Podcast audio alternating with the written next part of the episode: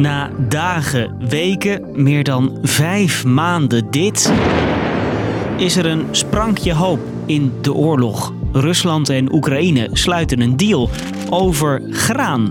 Want dat ligt er nog genoeg in de graanschuur van de wereld, Oekraïne. In die bult tarwe in de schuur wordt steeds groter. Een berg van 20 miljoen ton graan kan eindelijk het land uit door de deal.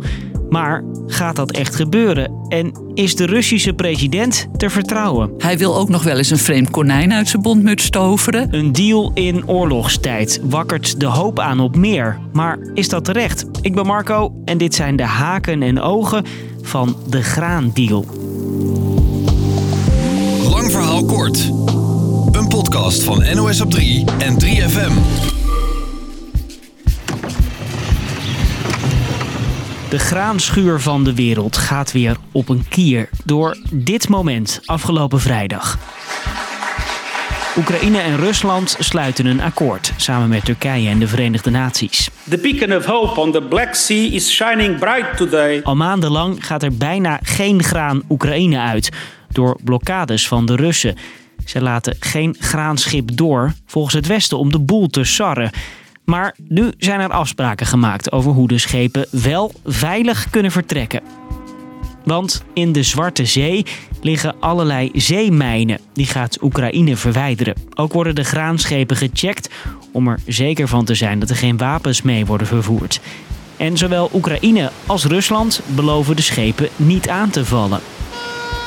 En daarmee is er weer hoop voor bijna 50 landen die afhankelijk zijn van Oekraïns graan. De prijzen van graan namen afgelopen tijd flink toe, omdat er minder op de markt was. En daardoor de honger, voornamelijk in Afrika. Door deze deal is er hoop op meer graan en een lagere prijs. En daar zijn boeren in Oekraïne ook blij mee. Deze deal levert voor ons op dat wij ons graan gewoon weer kunnen exporteren. En weet je, dat wij weer inkomsten hebben als boeren in Oekraïne. En dat we het loon van onze medewerkers kunnen, betalen. Dat we de, weer diesel kunnen kopen om de rest van onze oogst binnen te halen.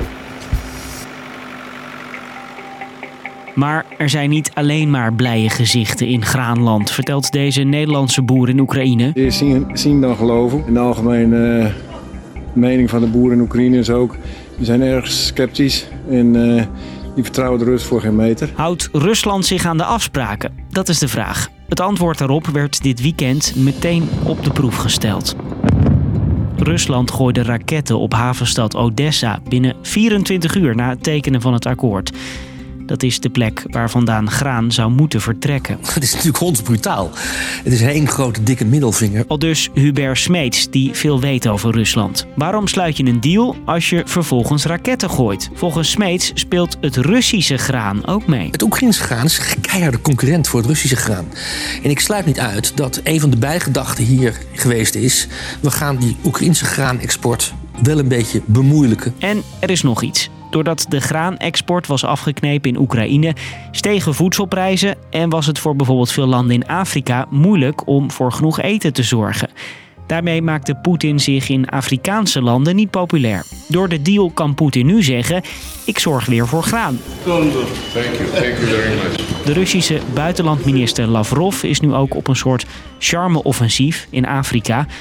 Rusland probeert ze met de graandeal en het bezoek aan hun kant te krijgen, vertelt Afrika-correspondent Alice van Gelder. Rusland heeft natuurlijk de hele tijd tegen Afrikaanse landen gezegd van ja, dat komt door westerse sancties dat het graan niet, niet vrijkomt en niet door onze blokkades. En Rusland probeert zichzelf natuurlijk ook te positioneren als probleemoplosser. Oké, de graandeal heeft dus meerdere gezichten. Maar Rusland en Oekraïne tekenen in ieder geval een akkoord. Is dat na maanden vechten de opening naar een eind van de oorlog? Nou, dat is zeer de vraag.